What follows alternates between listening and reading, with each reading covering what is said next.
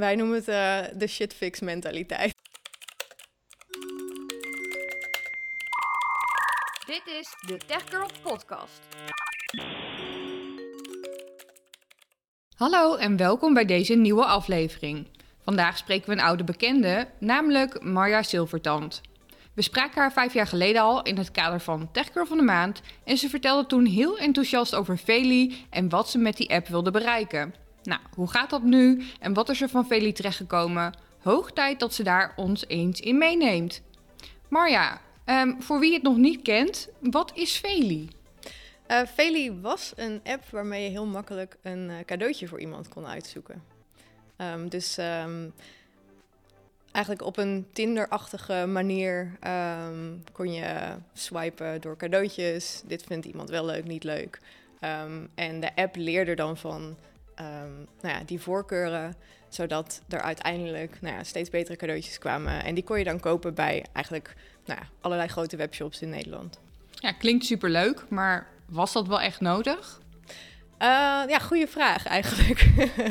uh, toen we live gingen met de app was het uh, best wel verrassend populair. Um, dus vanuit dat perspectief denk ik dat we wel in een behoefte voor zagen. Um, ja, is het echt nodig? Weet je, het is een, het is een manier om iets makkelijker spullen te kopen. Um, en zeker als het gaat over een cadeautje, is dat vaak wel lastig. Weet je, je zoekt iets voor iemand anders. Je weet niet precies wat diegene leuk vindt. Um, waar, je, waar, je, waar je mee aan kan komen, zeg maar. Dus ja, er was zeker wel een, een behoefte. En ik denk dat je onderliggende vraag is: waarom bestaat de app dan nu niet meer? ja, eigenlijk wel. Ja, vertel eens. ja, nou ja, ik zei het al, we gingen live met die app. Um, en toen um, nou ja, hadden we eigenlijk een gevalletje opgeblazen servers nadat er heel veel uh, media-aandacht was geweest. Dus het was heel populair. Maar het was een hobbyproject. dat betekent dat wij helemaal niet zo waren voorbereid op, uh, op nou ja, het succes eigenlijk van de app. En als je dat niet echt goed hebt voorbereid, dan is het daarna ook al best wel snel klaar. Want dan heb je natuurlijk geen plan liggen voor wat gaan we hier nu eigenlijk mee doen. Um, gaan we hier echt een bedrijf van maken. Um, dus eigenlijk nadat die eerste feestdagenperiode, waarin natuurlijk ook cadeautjes uh, belangrijk zijn, uh, voorbij was, zagen we dat het gebruik meteen heel erg afnam. Wij hadden geen plan voor hoe gaan we dit verder marketen. Um, maar we hadden wel een, nou ja, eigenlijk een experiment gedaan. Van hey, uh, er is blijkbaar een behoefte naar zo'n soort dienst. Um, dat wisten we nu. Dus toen was eigenlijk de vraag van, willen we hier verder iets mee? Ja, we hadden allemaal een dayjob. Um, een aantal van ons dacht, ja, we willen hier eigenlijk wel kijken of hier wat meer in zit. Um, dus daar hebben we uiteindelijk een bedrijf van gemaakt. En eigenlijk vanuit de visie van die app, namelijk mensen helpen om makkelijker online een product te vinden wat bij hen past. Um, ja, daar is uiteindelijk een bedrijf uit ontstaan en dat is nu Eden geworden. Ja, Eden. Uh, dan is natuurlijk mijn vervolgvraag: vertel eens wat meer over Eden. Ja, uh, nou, Eden is uh, een SaaS-bedrijf. Um, wij, wij hebben een SaaS-product gemaakt waarmee webshops heel makkelijk een, een keuzehulp kunnen maken voor hun klanten. En um, nou ja, wat doe je dan met zo'n keuzehulp? Eigenlijk bied je guided selling aan. Um, dus nou ja, het advies uit de winkel, maar dan online. Mensen bij de hand nemen om nou ja, ze een paar vragen te stellen van hey, je gaat um, voor het eerst uh, een podcastserie beginnen. Uh, dan weet je waarschijnlijk nog niet wat, wat voor microfoons je nodig hebt. Uh, welke passen er nou goed bij je als je daar naar op zoek bent? nou, stel mensen een paar vragen en geef ze uiteindelijk een advies van... een van deze drie microfoons gaat daar echt wel goed voor werken. Um, dat kan je als webshop alleen doen vanuit de expertkennis die jij in huis hebt. En dat is nou precies die kennis die die klanten zelf niet hebben. Um, en dat is eigenlijk dus helemaal niet zo anders dan als je dus een cadeautje zoekt. Um, dus vanuit diezelfde gedachte hebben we eigenlijk Veli dus doorontwikkeld naar, naar een softwareproduct, uh, wat dus nu door webshops wordt ingezet uh, voor guided selling. Waarom is het zo belangrijk dat een product als Eden bestaat? Ik bedoel, we hebben toch ook allemaal gewoon klantmedewerkers in de fysieke winkel. Je kunt ook winkels bellen. Waarom dan Eden? Je hebt er wel iets over uitgelegd, maar wat is nou precies de meerwaarde? Ja, nou ja, je zegt het al. Um, eh, er zijn zeker medewerkers met heel veel kennis. En, ehm, en in een winkel kunnen die je ook heel goed helpen. Ehm, maar online zie je eigenlijk dat. Nou, je ziet een aantal dingen. Allereerst, uh, we hebben vooral de producten online gebracht. Dus in de beweging eigenlijk van de offline winkel naar de online winkel, weet je, e-commerce is zeker de afgelopen twee jaar geëxplodeerd. Um, maar we hebben vooral de producten online gebracht en niet eigenlijk de rol van die medewerker in de winkel. Dus als je nou op zoek gaat uh, online naar een product, maar je weet niet precies wat je wil kopen, dan is het echt knap lastig om tot een aankoop te komen. En dat zien webshops ook, want de conversiepercentages zijn erg laag. Van de 100 bezoekers die uh, in een webshop komen, zijn het er maar drie die ook echt een product kopen, gemiddeld. Um, en die andere 97 die zijn natuurlijk wel op zoek naar een product, want anders waren ze niet naar die webshop gegaan. Um, dus um, ja, dat is, dat is één reden, hè? dus conversie verhogen. Maar wat je ook al zei, die medewerkers. Er zijn heel veel webshops die nu best wel significante inzet op hun klantenservice moeten hebben om de vragen van mensen te beantwoorden. En nou ja, dat zijn allemaal mensen en dat kost dus ook heel veel geld. Um, en je ziet dat eigenlijk naarmate e-commerce explosief aan het groeien is, is het probleem dus niet zozeer de omzetgroei, maar juist van hoe kan je dat nou schaalbaar maken? Hoe kan je zorgen dat je inderdaad steeds meer dozen kan schuiven? Want dat is wat alle webshops willen, gewoon meer, meer producten verkopen. Um, zonder dat ook nog um, je kosten enorm uh, stijgen. En misschien zelfs wel meer stijgen um, dan je relatieve omzetgroei. En dat is waar guided selling kan helpen. omdat je dus eigenlijk nou ja, de rol van die adviseur uit de winkel, die ga je automatiseren. Je gaat mensen bij de hand nemen in hun, uh, in hun klantreis en uh, ze geautomatiseerd van advies voorzien. Um, en op die manier kan je dus meer verkopen tegen minder kosten. Ja, en het is wellicht ook wel heel erg handig voor de klant zelf, omdat hij anders helemaal overweldigd is door, door al het aanbod. Zeker. Ja. ja. Ja, ja, en dat is vanuit de consument gezien, is dat, dat precies de rol die de winkelmedewerker heeft. Als je normaal gesproken naar een winkel gaat en je weet niet precies wat je wil kopen, dan is er altijd wel iemand die vraagt: Hey, kan ik je ergens bij helpen? Um, dat is er online niet. Dus je hebt, je hebt wel weet je wel, contentpagina's met ellenlange artikelen over uh, wat nou de beste podcastmicrofoons zijn. Maar ja, wie zit er nou op te wachten om dat allemaal door te gaan lezen? Dit kan veel makkelijker, dit kan veel sneller. Um, en dat is wat je met guided selling doet, weet je. Een goede keuze op kan hetzelfde doen als die adviseur in de winkel. Stel mij drie, vier, vijf vragen en zeg gewoon tegen me wat ik moet hebben. En dan koop ik het wel. Prima. Maar het is heel efficiënt, alleen het is misschien niet heel erg warm. Um, nou ja, is het, is het minder warm dan wat we nu doen? Namelijk, hier zijn 3000 producten. Zoek het lekker zelf uit.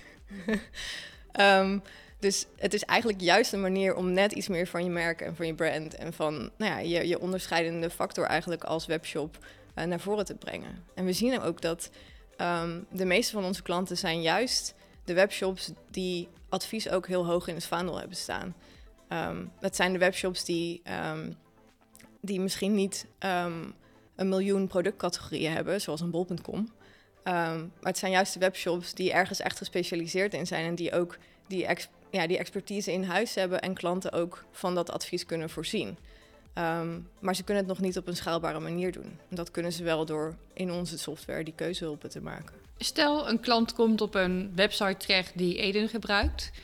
Hoe ziet dat er dan uit? Uh, ik neem aan dat elke webshop wel zijn eigen uh, look en feel eromheen heeft gegooid. Maar als we kijken naar het flow-proces, dus hoe ja. een uh, klant wordt geholpen, kun je ons daar eens meenemen? Ja, zeker. Um, nou, we hebben eigenlijk um, een aantal verschillende manieren waarop je de app die je in Eden maakt kan integreren in je webshop.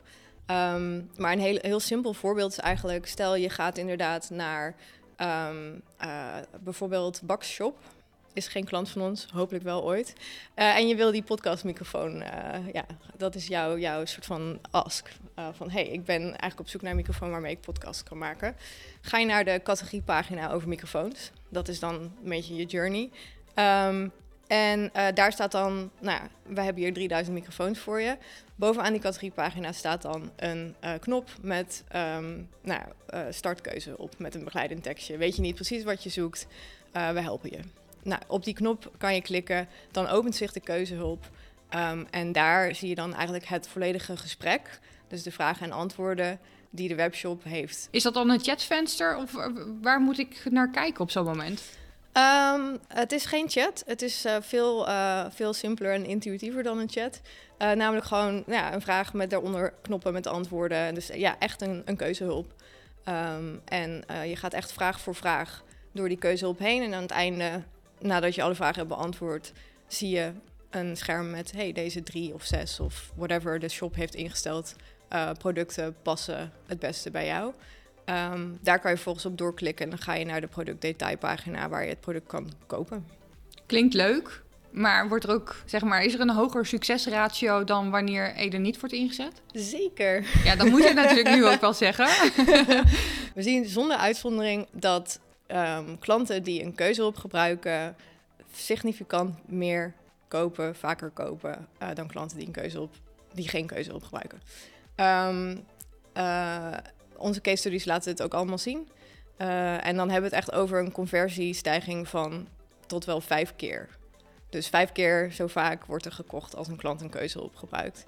Um, dat betekent dus ook dat het voor de webshops die gebruik maken van Eden heel nuttig en belangrijk is om de keuzehulp op zoveel mogelijk uh, plekken in hun website aan te bieden. Um, dus ik zei net al, je kan het bovenaan je categoriepagina zetten. Um, maar net zo goed is er natuurlijk best wel veel traffic dat direct via Google op een product terechtkomt. Um, maar dat zijn misschien ook nog steeds niet mensen die al weten of dat ook echt de juiste podcastmicrofoon voor hun is, weet je wel. En twijfel kan op zoveel plekken eigenlijk in die online customer journey toeslaan. En als je op al die plekken mensen proactief probeert te helpen en ze de juiste vragen stelt, Ehm, nou, dan is de kans dus ook veel groter dat ze uiteindelijk een product vinden waarvan ze met vertrouwen durven te zeggen: hey, die wil ik wel kopen.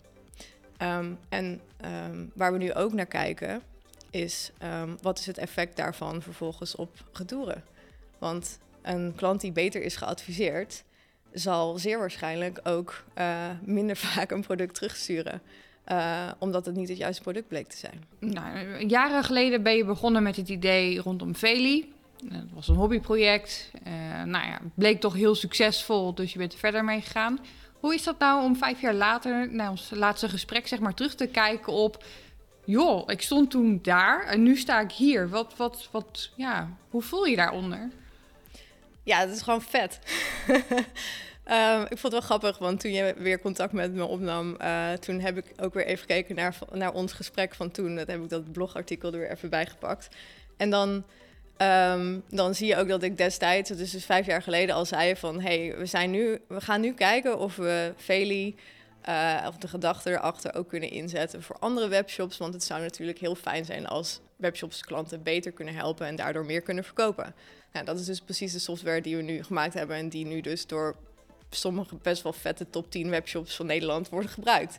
Dus, uh, dus ja, dat is gewoon super tof dat je ziet dat je eigenlijk een visie al, al best lang had en dat je de juiste stappen hebt gezet om dat ook echt waar te maken. Nou, het klinkt alsof jullie een gat in de markt hadden gevonden. Um, maar op een gegeven moment moet dat dan ook nog ja, op de markt gebracht worden, moet bekendheid voorkomen. Uh, wat hebben jullie daar toen voor gedaan? Uh, ja, wat we eigenlijk in de periode voordat we ons staatsproduct uh, hebben gelanceerd hebben gedaan, is um, ja, misschien wat onconventioneel, maar het leek ons heel belangrijk om onze visie eerst eens aan de man te brengen en te kijken van, hey, slaat dat aan bij de mensen?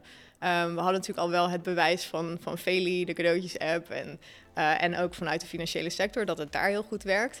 Maar ja, gaan webshops dit ook echt kopen? Um, dus wat we toen hebben gedaan is, uh, we hebben een boek geschreven. Uh, klanten die twijfelen, kopen niet. Um, dat heb ik samen met mijn co-founder Simon van Duivenvoorde geschreven. En dat boek hebben we eigenlijk ja, als een soort van precursor voor de uitrol van het product uh, uh, op de markt gebracht. Um, en dat boek gebruiken we dus ook nu nog steeds eigenlijk in ons salesproces. Um, want daarin leggen we eigenlijk precies uit waarom e-commerce nu eigenlijk niet zo heel goed werkt. Of eigenlijk best wel slecht werkt. Um, en waarom guided selling dan de oplossing is uh, ja, om dat te verbeteren. En met het boek uh, kunnen we dus onze visie over e-commerce heel goed uitdragen. En tegelijkertijd onszelf ook echt neerzetten als expert op het gebied van guided selling. Uh, want dat zijn we. en eigenlijk ja, alle denkrichtingen en ook de, ja, het is ook best wel een praktisch handboek. Ehm, dat sluit dan weer heel mooi aan op wat je dus in onze software kan maken. Ehm, dus zo hebben we eigenlijk ja, een, alvast een, een soort van teen in het water van e-commerce uh, gedipt. Uh, zonder dat we eigenlijk het product al af hadden. Uh, en het heeft heel erg mooi op elkaar aangesloten om de, om de uitrol van het daadwerkelijk product daar eigenlijk direct achteraan te gaan doen. Je zag wel echt effect van het boek. Ja, zeker. Ja, zelfs nu nog krijgen we dus leads, klanten die ons benaderen via de website met... hey, we hebben jullie boek gelezen. ja, we zijn benieuwd naar de software. Uh, dus dat is wel heel erg vet. En, en, ook wel waardevol. En als beloning van het feit dat je drie maanden van je leven hebt gepakt om een boek te schrijven over e-commerce. Weet je Ja, uh, je weet op dat moment nog niet dat dat ook echt een, een goed plan was. Uh, maar dat is typisch weer zo'n keuze waar ik geen spijt van heb gehad. ja, met dank aan Simon, want het was zijn idee. Ja. dat is wel netjes, ja. ja. Heb je dan misschien ook wel een heel goed gevoel voor wat heeft de markt nodig of wat heeft de consument nodig? Ik vind het altijd heel fijn en het geeft me juist zekerheid om dingen te benaderen vanuit een soort van newbie perspectief. Um, het is helemaal niet erg om te zeggen: Ik heb dit nooit eerder gedaan, um, ik snap dit niet. Uh, jij bent hier de expert, leg mij maar eens uit waarom het zo werkt als het nu werkt. En als ik nog steeds vind dat het onlogisch is, dan denk ik dat er meer mensen zijn die vinden dat het onlogisch is. Weet je wel? En um, dat is helemaal zo als je dus kijkt naar iets wat zo groot is als e-commerce anno 2022. Um, we zijn al 30 jaar op deze manier met elkaar bezig, met online shoppen, online dingen kopen. En eigenlijk werkt het helemaal niet zo goed.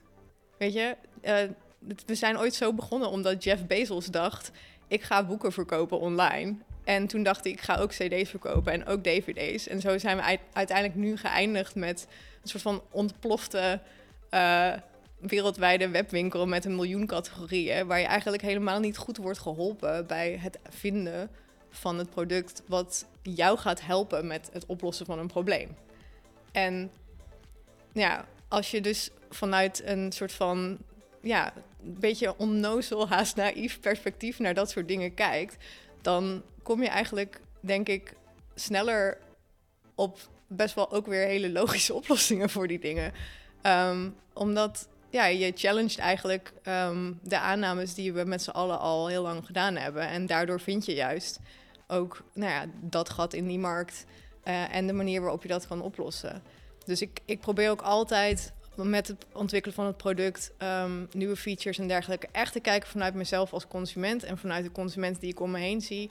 Um, van ja, wat zijn nou de dingen waar je tegenaan loopt? En is het eigenlijk wel zo logisch hoe het nu werkt? En als het antwoord nee is, nou, dan is het vaak ook niet zo heel ingewikkeld om iets te bedenken waardoor het wel weer logisch zou kunnen werken. Uh, je bent begonnen als een hobbyproject. Nou, dat bleek een heel goed proof of concept, een heel goed uh, proefballonnetje wat jullie daar hebben opgelaten. Toen vervolgens bedachten jullie, nou, we gaan hier een succes van maken. We gaan hier ook een echt goed werkend bedrijf van maken. Wat waren dan de eerste stappen om op dat moment te zetten om te gaan groeien als ook echt als een bedrijf? Wat hebben jullie gedaan? Um, nou, het eigenlijk eerste wat we hebben gedaan is um, ons aangemeld voor een Startup Accelerator. Um, en daarbij zijn we ook voor uitgekozen. Um, en dat was voor ons echt een manier om met een, een toch een klein beetje een safety blanket um, te starten met het bedrijf. Ja, het is natuurlijk best wel een stap dat je je baan opzegt. Uh, in mijn geval had ik dat al eerder gedaan. Ik was al ondernemer, maar uh, dat was niet voor iedereen zo. dus dat je dan wel echt ja, kan zeggen, er is ook iemand, er zijn mensen die dit vaker gedaan hebben die hierin geloven. Dat helpt gewoon wel. Um, dus, uh, dus daar hebben we uh, drie maanden in zo'n accelerator-programma meegedaan. Um, en, en nou ja, vervolgens uh, nou ja, hadden we genoeg soort van vertrouwen om het, om het verder door te gaan zetten. Ja, want met een accelerator-programma, voor wie dat niet kent, kun je dat nog heel kort toelichten? ja, het is eigenlijk een soort van pressure cooker waarin je um, verschillende nou ja, uh, onderdelen van, uh, van het, ja, het, succesvol testen en uitrollen van je, van je bedrijfsidee um, ja, aanpakt eigenlijk. En dat doe je samen met een ander bedrijf of onder de vleugels van een. Ja, in dit geval uh, nou, hadden we er volgens mij negen andere start-ups die dan in onze soort van ronde zaten. Ehm, en, en de begeleiding is dan door nou, verschillende mensen ehm, van grotere bedrijven, maar ook ondernemers, uh, nou, die je dan helpen om. Nou, het kan van alles zijn, uh, connecties, uh, maar ook hoe valideer je nou je idee, die begeleiding eigenlijk te bieden. En wat gebeurt er dan na die drie maanden? Um, ja, normaal gesproken is het. Um, of nou, normaal gesproken, vaak is het zo dat startups aan het einde van zo'n accelerator um, ja, gaan pitchen om een investering op te halen. en daar word je ook wel echt op voorbereid. Uh, wij waren daar niet in geïnteresseerd. we vonden het eigenlijk te vroeg. Uh, want als je op zo'n nou, vroeg punt van je bedrijf al een investering ophaalt, betekent het ook dat je relatief veel aandelen weggeeft. Um, en um, het leek ons eigenlijk logischer, toffer, fijner om eerst nog zelf verder te gaan. En um, we hebben er dus ook voor gekozen om niet te pitchen voor geld. en, en dus ja, eh, in eerste instantie een, een customer-funded bedrijf uh, te worden. Dat is wel een risico wat je dan aangaf. Ja, je, je, is het een risico? Het is ook wel een risico om veel aandelen te verkopen misschien. Nou ja, als je uh, gelijk een investering ophaalt, heb je in ieder geval de zekerheid dat er cash op de bankrekening staat. Um, ja, je geeft er wel uh, vaak een significant aantal aandelen uh, voor weg. maar ja, je, je, kan wel door, zeg maar. Um, het risico dat wij hebben genomen is... Um, we moeten nu geld gaan verdienen met een, een product wat nog niet helemaal af is of met een ander product. uh, maar we moeten in ieder geval geld gaan verdienen uh, en dat terug investeren in ons eigen product. In plaats van dat een externe investeerder investeert in ons product. Um, dus ja, dat is wel een risico. Nou, je loopt het risico dat het niet lukt en dat je dan failliet gaat en weer een baan kan gaan zoeken. dat is eigenlijk hoe het is. Ben je blij dat je voor deze weg hebt gekozen uiteindelijk? Ja, ja. Um, nog steeds heel blij mee. Het is gelukt dus dat helpt. Je, als het niet was gelukt, was ik waarschijnlijk wat minder blij. Um, maar nee, uh, voor ons um, uh, was dat echt de juiste, de juiste strategie. We hebben uh, een, ja, een aantal jaar eigenlijk deels wat meer projectmatig werk gedaan. Uh, waarvan we de inkomsten hebben terug kunnen steken in de ontwikkeling van ons, ons softwareproduct. Um, waardoor we uiteindelijk dus een jaar geleden op het punt uh, stonden dat we het echt ja, echt als SaaS-product konden lanceren. Um, uh, waardoor je ja, nu echt een schaalbaar productbedrijf bent geworden. Um, en alle aandelen zijn van ons. Wat voor advies heb je voor iedereen die zelf ooit een digitaal product wil lanceren? Zoek toffe mensen waarmee je dat gaat doen. Mensen die wat kunnen en die ook niet te beroerd zijn om de vaatwasser uit te ruimen. Wij noemen het uh, de shitfix mentaliteit. Als je mensen met een shitfix mentaliteit uh, om je heen verzamelt, dan kan je echt zo ver komen. En dat geluk heb ik dat ik die mensen om me heen heb. Dat zijn mensen die door dik en dun, zeg maar, je blijven steunen.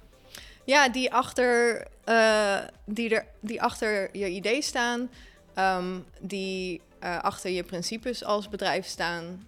Um, die gewoon leuk zijn om mee te werken. Um, die nou, in ons geval het ook heel belangrijk vinden dat er een goede balans is tussen je bedrijf, je werk en je privé. Je wil mensen hebben die niet te beroerd zijn om hard te werken, maar die ook niet alleen maar heel hard gaan springen. Om maar hard te springen. Um, ik kan heel slecht tegen de 80 uur start-up werkmentaliteit. Want we zijn hier met onze uh, big, hairy, audacious goal bezig. Dus we gaan allemaal 80 uur werken. Nee, fuck dat. Je moet slimme mensen hebben die snappen wat er echt belangrijk is en prioriteiten kunnen stellen en die shit willen fixen. En dan kom je echt ergens. Wat zijn nou jouw plannen voor de toekomst en wat mogen we nog van jou en van Eden verwachten? Um, nou, we, we, zijn dus nu een jaar uh, live met ons SaaS-product. Gaat super goed. Um, tegen het einde van dit jaar um, willen we zo'n 100 klanten hebben. Dus 100 webshops die gebruik maken uh, van onze software. We gaan nu eigenlijk al harder dan onze forecast. Dus misschien zijn we zelfs nog iets te weinig ambitieus geweest. Dat is het grappige als je als je eigenlijk aan het starten bent van ja, hoe kan je nou realistisch voorkasten? Je hebt dit nog nooit eerder gedaan. Ehm, maar ja, het gaat supergoed. Um, dus je, ja, je mag verwachten dat je uh, op steeds meer webshops een, uh, een toffe en behulpzame keuze op tegen gaat komen. En als dat zo is, dan komt die waarschijnlijk van ons. Dat klinkt als muziek in mijn oren en ik hoop dan ook zelf dat er nog veel meer bedrijven aan de slag gaan met Eden.